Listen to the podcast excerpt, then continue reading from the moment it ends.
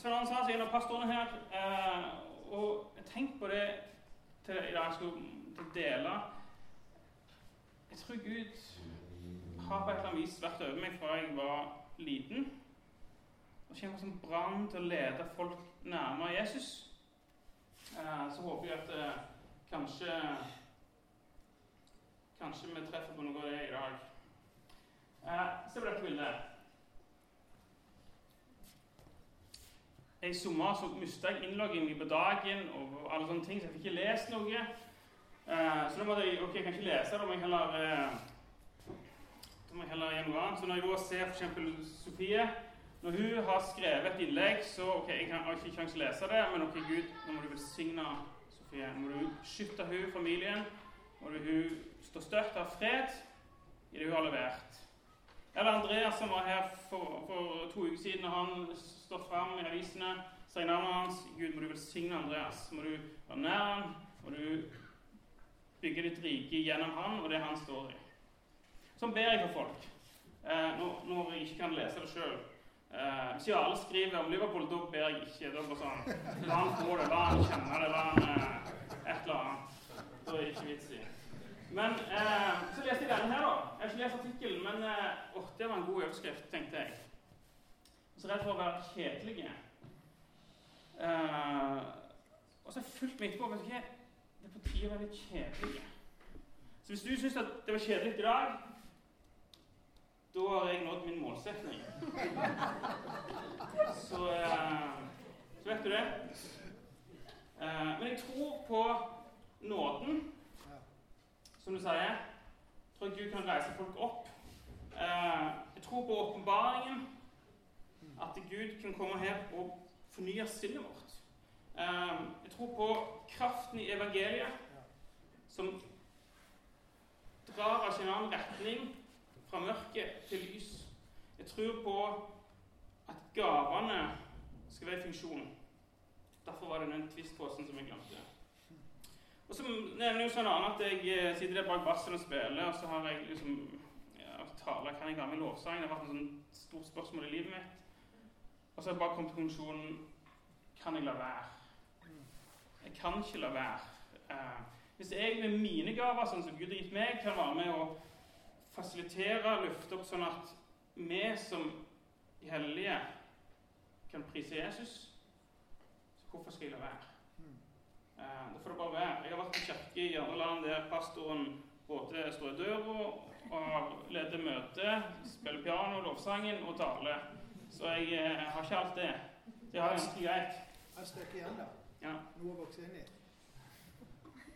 Yes. Vi er inne i en taleserie som heter 'Ett om Jesus'. Eh, som er inne i eh, eh på Bergprekken. Eh, så i dag så skal vi snakke om salt, lys og lov. Um, Sist gang så var Andreas her og snakket om saligprisningen. Uh, og den finner dere dere finner på, på nettsida. Så finner dere podkastene til denne serien. Uh, og så har vi lagd et opplegg for huskirkene. Målet er å kunne være i bergprekken hele høsten eh, og grave ut så mye gull vi klarer. Eh, yes. Og så enormt interessant, syns jeg, da Når jeg har forberedt meg, eh, så var jeg og ba på fredag. Fikk med den sangen 'Make Room'. Og så kom Cecilie og deler det ut dele. David sier han sier på bønnemøtet. Og så når jeg ber, så får jeg en salme som er sånn Dette er målet med denne søndagen. Salme 90, vers 14, der står det Mett oss med din miskunn når morgenen kommer. Mett oss med din miskunn, altså miskunn, tilgivelse, nåde, alt Gud har. Mett oss med det om morgenen. Sånn at vi kan juble og være glade alle dager. Det er min bønn, det er det jeg ønsker for det som vi skal uh, Det som vi skal gjøre nå. Så Jesus, jeg ber om du skal komme og fylle oss med din miskunn. Fyll oss med åpenbaring om hvem du er. Så må du hellige oss i din sannhet.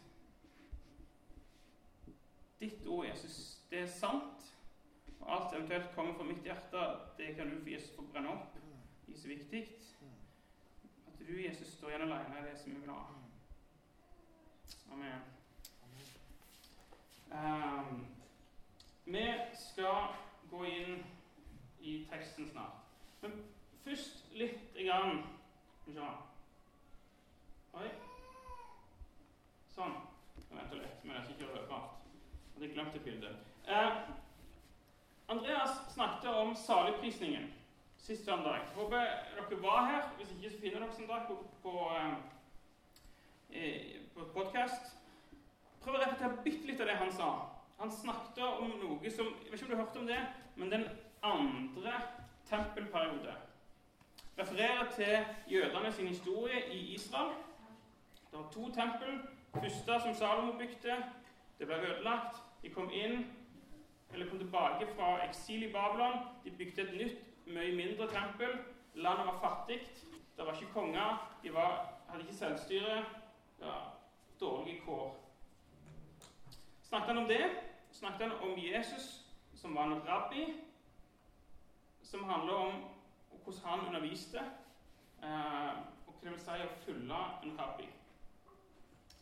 Og så var det som var Noe av hovedpoenget var at vi, vi lærer ikke av bare å høre. Vi lærer, eller vi har lært, når vi gjør det som vi hører. Så det nytter ikke bare å høre Guds ord. Du må gjøre Guds ord. Det ligger i den jødiske tradisjonen som vi er poda inn i. At det, det nytter ikke bare å høre det. Vi må gjøre det. Um, og så er det er jødene på jakt eller rabbien, Jesus, er på jakt etter ikke en fromhet. At du skal vise hvor flink du er. Men han er på jakt etter en praktisk hellighet som gjør at du eh, Du begynner å leve liv som ligner på Jesus. Ikke for å vise hvor god du er, ikke vise hvor from du er, men at du ligner på ham. På saleprisning snakket han Andreas om at den må være praktisk for oss. Hvis ikke, så, hvis ikke vi kan gi saleprisningen, så er det ikke hvis jeg hører han. Så vi skal fortsette litt på dette. Eh, vi skal snart lese teksten. Skal vi snakke gjennom teksten? Eh, håper vi kan be i teksten. Så håper jeg at du kan gå ut herifra og leve den teksten. Så skal du lære den videre. Så litt fakta om Matteus. Vi er i bergprekken, sant? Eh, og så litt om Matteus. Bibelen er skrevet på en sånn måte at hvis det står noe to ganger, så må du følge med. Da er det sånn Det er ikke noen tegn, det er ikke noe understrekning, har ikke gul farge eller et eller annet ting. De har OK, attention, følg med. Da skriver du to ganger. Så når, står, når Jesus sier 'sannelig, sannelig' Jeg tror ikke Jesus sa det. Men det er det han, de som har skrevet det, som har sett inn 'sannelig, sannelig'. For nå sier Jesus noe enormt viktig. Eh, så Bibelen bruker gjentakelse for å si noe som er viktig. For eksempel så, eh, så er det sånn at han har, I Bibelen så finner vi to skapelsesfortellinger. Det vil si at Gud tar poeng. Det er viktig. Følg med. Um, og så er det andre ting. Der er for eksempel, er, når han lager tabernakelet, så gir han først innskriften. Og så skjer det noe i et par kapittel, og så kommer kapittelet etterpå. Det var sånn akkurat det samme. Som fikk liksom forklaring hvordan de skulle lage det. Sånn utfører det. Så vi får det to ganger. Kjempeviktig. Hvordan var tabernakelet? Hvordan var tempelet? Ser vi det med Davids rike? Vi ser det i kongebøkene. Gud sier det gjennom kongebøkene. Så kommer det ja, men ei bok til, krønikabøkene. Da repeterer nesten alt det samme. Så er det to ganger. Kjempeviktig. Og så kommer vi da til Nytestamentet. Og så får vi fire evangelier. Ikke bare to, men får fire. Det er som at Hallo! Dette Hvis to repetisjoner var viktig, så iallfall fire repetisjoner dobbelt så viktig. Der er vi. Der er Jesus vil ha, eller Gud vil ha vår oppmerksomhet mot det. Um, så det er fire evangelium. Det første som ble skrevet, var Markus. Så er det alltid litt debattert om det var en sånn eh, kukilde før det, eh, som de kaller eller om ja, hva som kom først. sånn. Men tradisjonelt sier vi at Markus er skrevet først. Så Markus har vært en inspirasjon til Matteus og til Lukas. Um, og så er disse forskjellige. Matteus er som en sånn journalist som eh, ikke bryr seg om så masse detaljer, men bare fakta. Eh, refererer sånn skjedde det. Um, Markus. Kort og fint. Så kommer Lukas, eh, som òg er fakta. Men så skriver han litt mer, gir på litt mer taler. Så har han òg med apostelens gjerninger. Så står det i Lukas at Lukas har skrevet for at du og meg vi skal tro. Samme er det med Markus, at er, det er skrevet for de som ikke tror. Så hvis du har en venn som du har lyst til skal bli frelst, la ham få lese Markus eller Lukas. Så har du de to andre, Johannes og Matteus, som er skrevet for de som allerede tror. Um, Matteus enormt knytta opp til Gamle testamentet, til, til, loven, til skriftene, til profetene. Forklarer mye ting. Uh, forklarer hvordan det er å leve som de som tror på Jesus. Uh, og Johannes uh, snakker nok mye om hvem Jesus sa, eller hvordan Jesus tenkte, hvordan han var. Det er mye følelser i Johannes. Så de er forskjellige. Så vi skal gå inn og se på eh, Matteus, litt på strukturen i Matteus. Det som er interessant, at det knyttes opp mot Gamletestamentet, det er det at eh, de andre evangeliene, altså Markus, Lukas og eh, Johannes, de snakker om Guds rike. Matteus han gjør ikke det. Han snakker ikke om Gud, han snakker om himmelens rike. Og Det gjør han helt bevisst fordi han var redd, tror de, for å bruke ordet Javé. Skrive det ned. Hvis de skulle uttale det feil, så ble det en sånn ting som eh, Derfor skifter han benevnelse og snakker om himmelens rike. Fordi han prøver å ta hensyn til det jødiske folk og linke hedningene opp imot det jødiske folk. Um, så vi skal gå gjennom strukturen bitte litt i Matteus. Det handler om, Hele evangeliet handler om himmelens rike. Så er det, er det strukturert i, fem bolker. Så er det som at Matteus sier at loven som Jesus kom med, det er den nye loven. Det er de nye fem Mosebøkene. Det er fem taler, fem bolker. Det er fem bøker i, i Moselov. Og så er det strukturert ganske likt. Så fra eh, kapittel 5 til 7, som er nå i bergpreken eh, Der har jeg hørt folk si at bergpreken er ikke for hedninger. Bergpreken er skrevet for å forklare hvordan de som tror på Jesus, eh, skal leve. Hvordan skal vi leve i dette himmelens rike? Neste tale kommer på 9-10. Det handler om oppdraget. Det handler om hvordan skal vi dele dette evangeliet. Og da enormt interessant å se det du skal gjøre. Du skal gå ut og gjøre kraftige gjerninger, tegn, mirakel, under. Og så, hvis de ikke tror det, så skal du begynne å fortelle. Vi snur ofte om på det. Uh, Gud, la oss komme den riktige veien. Uh, kapittel 13 snakker om virkningene. Hvis du er bekymra, sier kapittel 13, ikke vær bekymra sier det at eh, høsten vokser, Guds rike vokser. Satans rike, det onde, det vokser òg. Ikke bekymre deg. Når du sår ut, og noe faller på steingrunn, etter sånne ting, samme hvordan du sår, ikke bekymre deg. Guds rike skal vokse. Um, enormt med håp i, i, uh, i, virkningene av Guds rike. Og så er kapittel 18, fjerde bolken, eh, og 20 handler om fellesskap i Guds rike.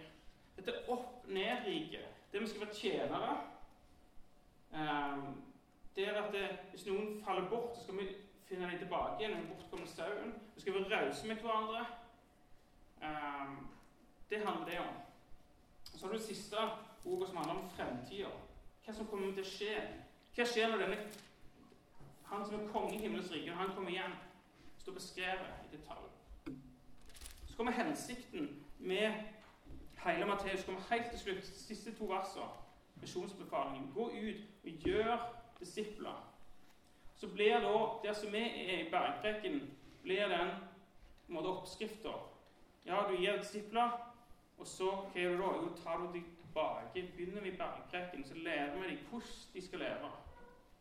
Det er strukturen, det er tankegangen bak Matteus evangelium. Så nå um, skal vi lese teksten.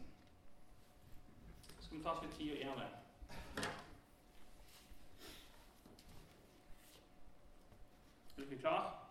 Jeg bruker altså 88 eller 07-oversettelsen. Hvis du har en egen bibel, så leser du det. Så kan det berike deg. Men det står sånn. Dere er jordens salt. Men om saltet mister sin kraft, hva skal det da saltes med? Det duger ikke lenger til noe uten til å kastes ut og tråkkes ned av menneskene. Dere er verdens lys. En by som ligger på et fjell, kan ikke skjules. Heller ikke tenner noen et lys og setter det under et kar, men i lysestaken. Da lyser det for alle som er i huset. Slik skal dere la lyset deres skinne for menneskene, så de kan se de gode gjerningene dere gjør, og prise deres Far i himmelen. Dere må ikke tro at jeg er kommet for å oppheve loven eller profetene. Jeg er ikke kommet for å oppheve, men for å oppfylle.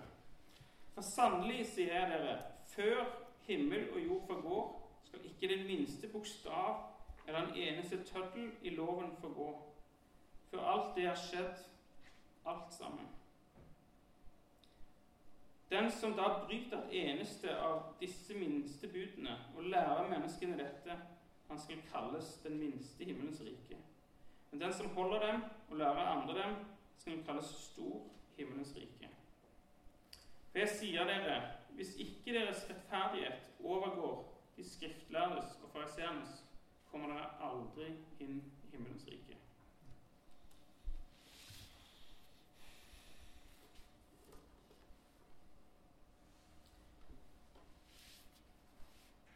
Teksten begynner med å si at vi er jordens salt.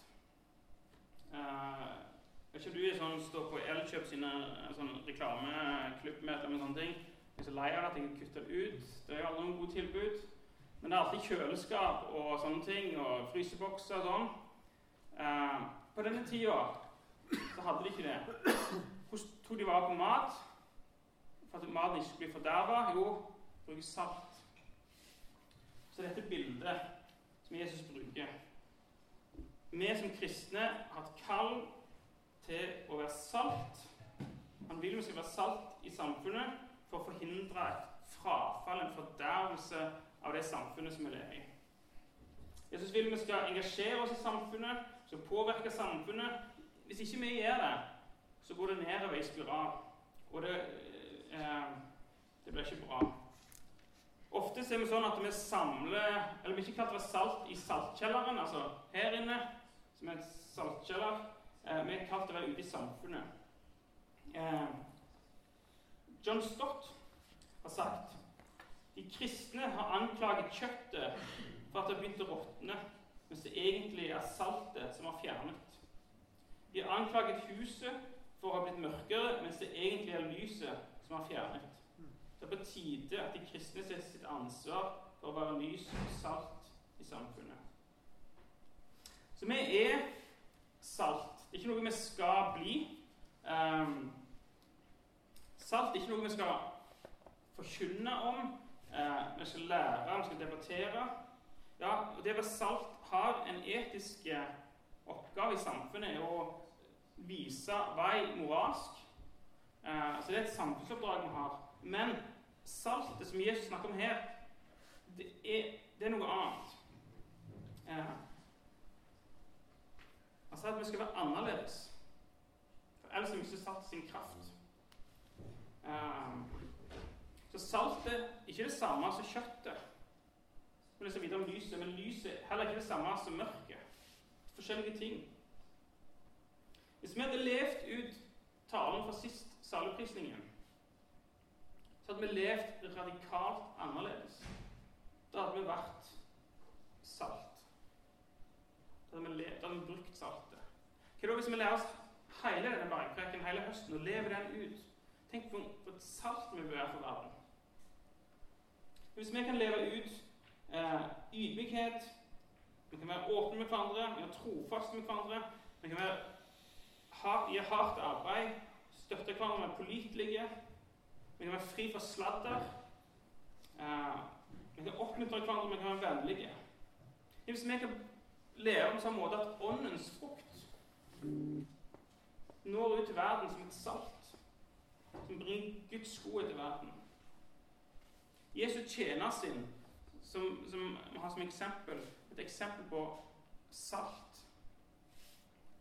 Um, og så, så, er det liksom sånn at det, salt en ting, og så bruker han repeterer Jesus igjen.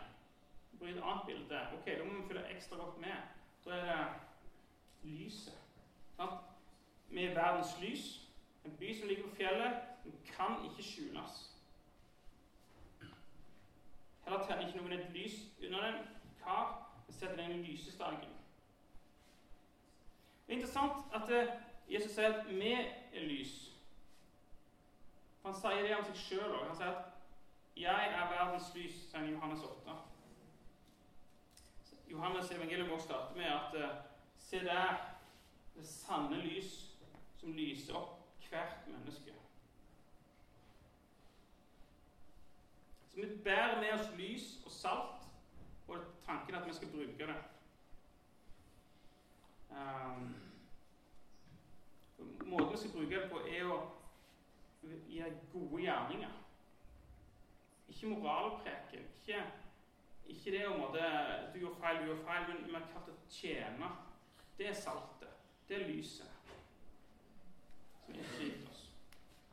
Um, en, en, en, en kirkehistoriker som heter Latorette Jeg vet ikke hvordan du uttaler det, men han sier at målt etter sin innflytelse på historien er Jesus den viktigste personen som har levd på denne planeten. En annen har sagt 2000 lange år har kommet og gått, og i dag er han, en fattig snekkersønn, midtpunktet for den menneskelige rase.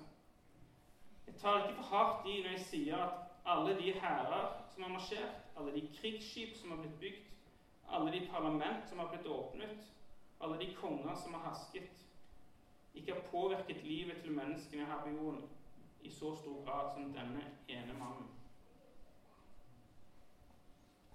Det å ha det enkle tjenersinnet som Jesus hadde, opp-ned-riket som han presenterte, så vanvittige ringvirkninger.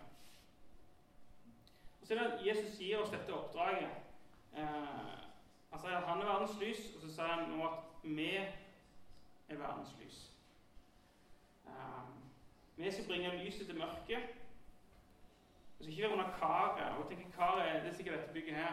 Saron-bygget eller et annet kirkebygg. Vi gjemmer gjemme det her inne.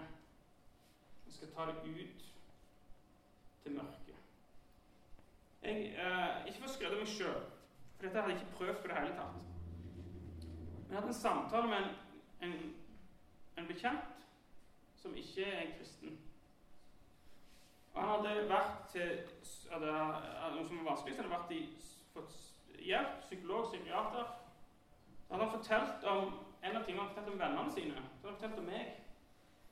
Så hadde den psykiateren sagt da Han der må du ta vare på. Og så ble jeg sånn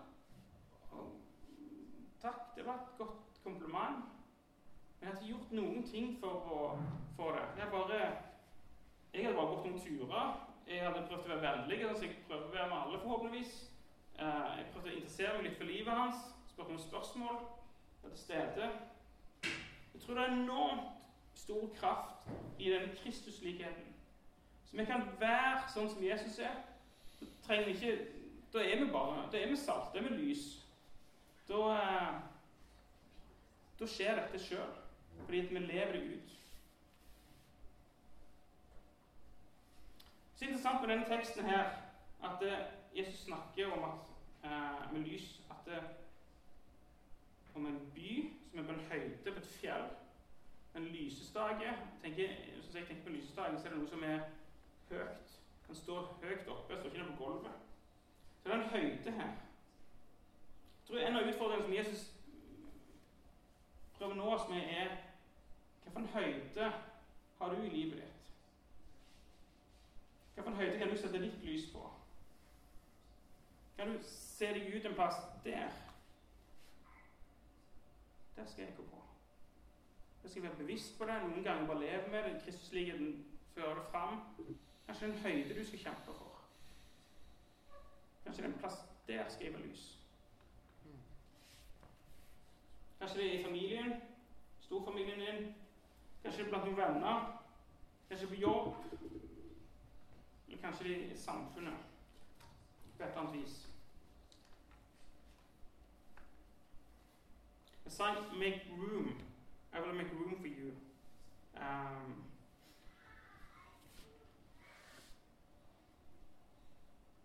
Jesus har gitt oss en oppgave av salt og lys uh, fordi at vi skal gi rom til dette. Så er ikke det sånn at vi skal strebe etter. Um, du er ikke salt, du er ikke lys. Du må ikke være det fordi du skal bli frelst, men du er salt og lys når du har blitt frelst. Så vet vi at vi snakker om frelst. men frelses. En dag skal vi bli frelst. Uh, men det at Jesus lever i deg, gjør at du er lys og salt. Så det å prøve å gjøre gjerninger her, prøve å være dette, handler ikke om din frelse. å gjøre. Efeserbrevet, Bibelen er veldig tydelig på det at nåde er dere frelst med tro. Det er ikke dere sjøl, ikke deres egne gjerninger, ikke deres streben, ikke deres fromhet. Det er bare en Guds gave. Fordi du er frelst, derfor er du lys, derfor er du salt. Enormt viktig rekkefølge. Så spørsmålet er kan vi gi Jesus mer rom til dette? Kan han få lov til å være mer lys og salt gjennom oss? Så min bønn er Jesus, jeg ønsker å gi deg rom. Jeg ønsker at du gjennom min hverdag, min tidsprioritering, gjennom min jobb, gjennom min familie Uansett hva jeg gjør, jeg ønsker å gi rom for at saltet og lyset skal få strømme ut. Så det er liksom som en åndelig lov i dette. Så vi setter lyset høyt. Hvis at vi gjør disse gode gjerningene, så står det at folk vil se Gud. Folk vil starte å prise Gud.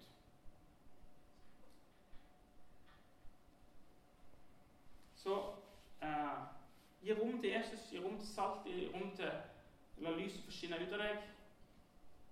Det vil føre til konsekvenser i Guds rike.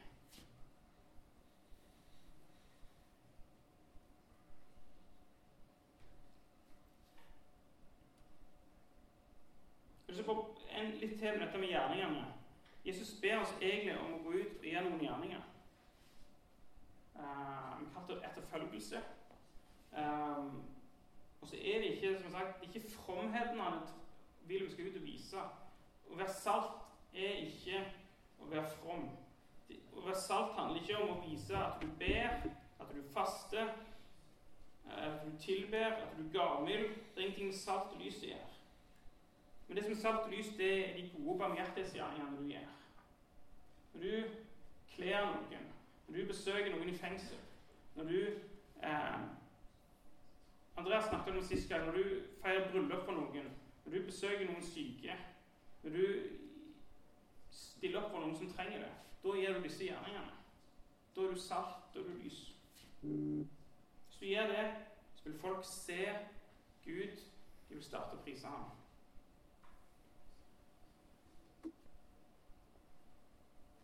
Så hvor tar Jesus dette her ifra? Um, han oppsummerer jo loven sier at eh, du skal elske Herren Gud av hele ditt hjerte. Og noe som like stort, er at du skal elske det neste som deg sjøl. Så du skal elske Gud, du skal elske mennesket. Tjene Gud, du skal tjene mennesket. Um, så har han dette her ifra eh, profetene. Og jeg skal lese en plass Eller f.eks. en annen plass først, men i Isaiah kapittel 1 står det at Lær å gjøre det gode. Vis voldsmannen på rett vei.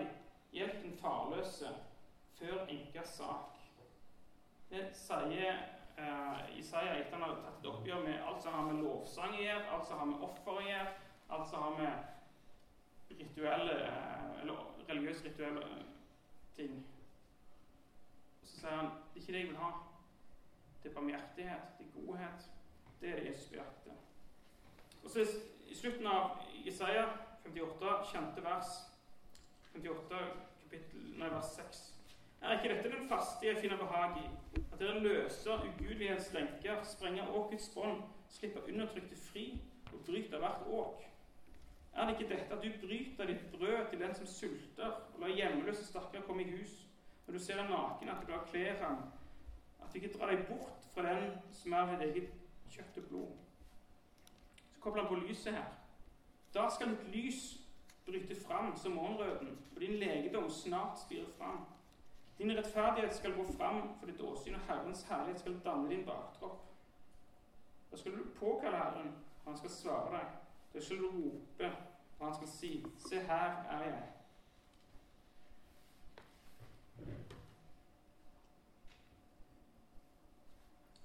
Så Jesus lager ikke opp noe sjøl. Han tar det for Guds ord. Han bygger videre på profetene. Så snakker han om å Han er ikke opptatt av fromhet. Han er opptatt av hellige gjerninger. og barmhjertighetsgjerninger. Og så er det som om at plutselig her, da, mellom 17 og 18, vers 17 og 18, så skjer et eller annet. Bom, skifter fokus. Eh, plutselig begynner han å snakke om lov.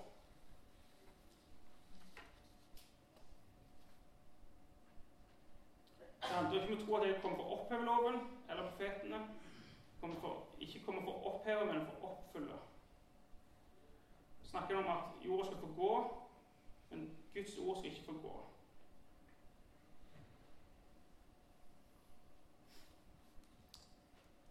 Jesus viser tydelig at Gammeltestamentet tar han seriøst. Eh, jeg hørte en sånn, sånn barnslig versjon på det at eh, Gammeltestamentet er før Gud ble kristen. En tror på en Gud i NT, men vi tror ikke på Gud i GT. Men Jesus er veldig tydelig på at jo, hele Gammeltestamentet det er ikke en annen Gud, men samme Guden. Augustin sier at Nytestamentet er skjult i GT. Men GT, Gamletestamentet, er åpenbart i Nytestamentet. Jesus stadfestet Gamletestamentet. Han leste det, han siterte det. Han ba det, han levde det ut. Han tok som sannhet. Og Jesus oppfylte enormt mange profetiene. Over 300 profetier fra Gamletestamentet oppfylte han. 29 på langfredag. Så han er ikke kommet for å oppheve det, han kommer for å oppfylle loven. Så hva er det som skjer? Når vi snakker om loven, hva tenker du på da? Loven og profetene. Eh, første jeg tenker på, er de ti bud. Men ikke det som står. Ikke det det siktes til. Eh, kan vi utvide tenke at Moseloven handler om 613 bud, forskrifter, lover som vi finner i Mosebøkene. Det er ikke det det heller handler om. Det er ikke, den, det som siktes til her. På hebraisk så er ordet som er brukt, er Tora. Eh, jeg skal ikke prøve, jeg husker ikke hvordan jeg uttaler det. Eh, men med Toraen, de jødiske toraen er de fem første bøkene i Bibelen. Altså første, andre, tredje, fjerde, femte Mosebok. Det er loven. Det er ikke enkeltlover, det er et bokverk med fem deler.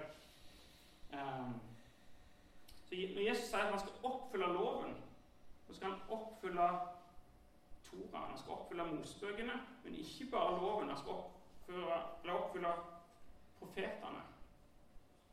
Uh, så skal vi se på hva det er. Så her skal du få en oversikt igjen. Så loven, Toraen, er første til femte Mosebok.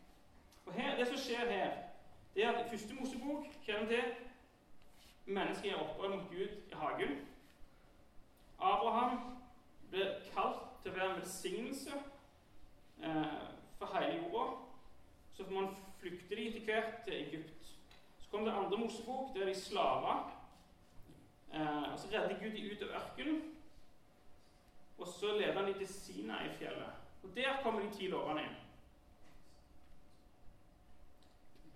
Er der for at de skal leve annerledes, for at Guds godhet skal bli synlig for alle folk. Uh, det loves som handler om rituelle ting. Det loves som handler om etiske forhold i disse uh, skriftene som ble gitt i 613 stykker. Men resten av Toraen er ikke lovting, det er historie. Så det er som sier at han skal uh, oppfylle loven så han kom seg han skal oppfylle historien. Det er det som er poenget hans. Lovene som kommer, de er gitt inn i en sånn historisk eh, rekkefølge. Er ganske interessant å se det er som et mønster. Det at når, når han da gir Moses får de ti første buda Husker dere det første det andre? Eh, du skal ikke andre vite av meg. Du skal ikke ha utskårne bilder. Historien etterpå er det Hva som skjer? Jo, de finner en annen gud, og de lager en gullkalv. Så med en gang Gud gir noen bud, første Israelsfolk gjør, de bryter det rett etterpå. Og så kommer det videre i denne historien. Så det, blir det gitt nye bud. Og så hva som skjer etterpå? Jo, de bryter akkurat de budene. Sånn repeteres det en sånn syklus om igjen og om igjen, om igjen gjennom denne Toraen, gjennom disse fem bøkene. Gud sier noe, Israelsfolket bryter det. Gud gir nye bud, Israelsfolket bryter det. Her er det Jesus prøver å ta oss. Hva er det som skjer her? Dette er det han har en hensikt med. Å prøve å bryte dette. Så kommer vi i femte Mosebok. Eh, så er Moses live. Han er sånn, han er oppgitt. Dette går ikke. Gud, dette funker ikke. Eh, kapittel 29 og 30 er sånn enormt viktige kapittel i hele Moseloven. Eh, og Der sier han Gud, nå må det skje noe nytt.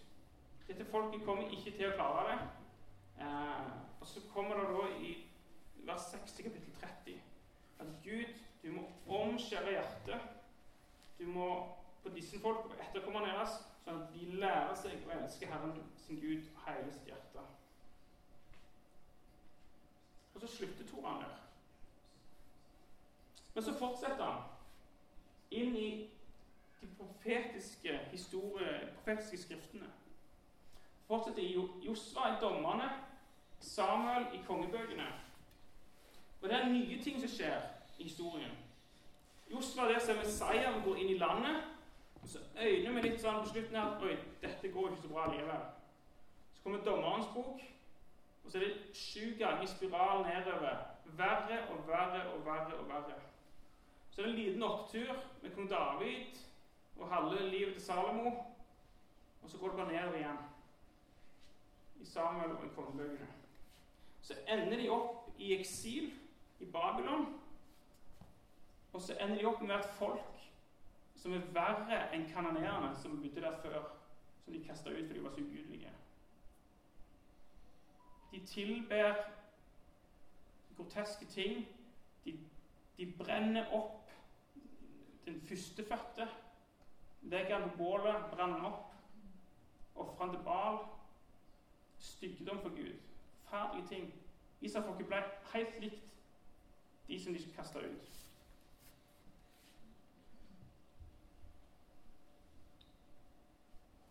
Og Her var det Andreas kom inn og snakket om andre tempelperioder. Etter dette, etter de kongebøkene. Det som kom inn da, er profetene. Så Profetene deler vi to profetiske historier. Profetiske skrifter eller profetene. Det er og de tre store. Og Her er det vi leser om at eh, F.eks. da Esekiel sier at eh, akkurat samme som Moses Gud, du må gjøre noe nytt. Gi dem et ta vekk steinhjertet. gi dem et kjøtthjerte, for dette funker ikke. Hun profetere om at dette skal skje. Dette kommer. Blir løfte om at en dag så kommer det en som skal gjøre noe annerledes. En dag kommer det noe som skal slutte denne spiralen som går om og om og om igjen. Og der er det Jesus kommer inn. Der er det han eh, kommer inn på banen og sier jeg skal, jeg skal ta vekk dette ødelagte, dette ødelagte korrupte hjertet. Eh, som har vært problemet hele tida. Så eh, Denne teksten handler om at Gud kaller oss til gode gjerninger, barmhjertighetsgjerninger. Og så handler det om at han setter nåden først. Han bryter det ødelagte, og så gir han oss et nytt hjerte. Og det nye hjertet produserer salt og lys ut til denne verden. Hvis vi prøver å være rettferdige gjerninger, sånn som fariseerne, kommer vi aldri inn i Guds rike. Men hvis vi tar imot det nye hjertet som Jesus gir, han oppfyller profeten, oppfyller loven, så får vi nye hjerter med stand til å gjøre nye gjerninger. Eh, på Puls på torsdag fikk vi bilde om at Gud skulle gi oss en malingsspann med hvitmaling og male over. Tror det går i lag med bildet ditt, Silje. at du er tilgitt. Gud ønsker å si til deg i dag at dine gjerninger for frelse teller ikke. Jesus sin oppfyllelse av historien, av loven, profetene, den som gir deg tilgivelse, det er den som gir deg et nytt hjerte, det er den som eh, holder deg til Han, så frukter det er salt og lys. Så vi ber. Jesus, takk at du er nær oss. Takk at du oppfylte loven og profetene. Takk at du er midt her med oss med din ånd. Så ber jeg nå at du skal komme eh, og gi oss nye hjerter. Du tar vekk disse steinhjertene som skal oppfylle loven og profetene i hjertene våre. Så skal du eh, fornye dette myke hjertet. Skal du fornye eh, vår brann til deg for første gang, eller for tusende gang. Jesus, må du komme og male oss hvite. Og så er det ikke pga. gjerninger, men du kaller oss til å være lys og salt, til lik deg. Ikke fordi vi skal bli frelst, men fordi vi er frelst. Herre, hjelp oss å leve i denne sannheten, og ikke leve andre veien. Så Jesus, kom du nå eh, på slutten av denne gudstjenesten og møt oss her.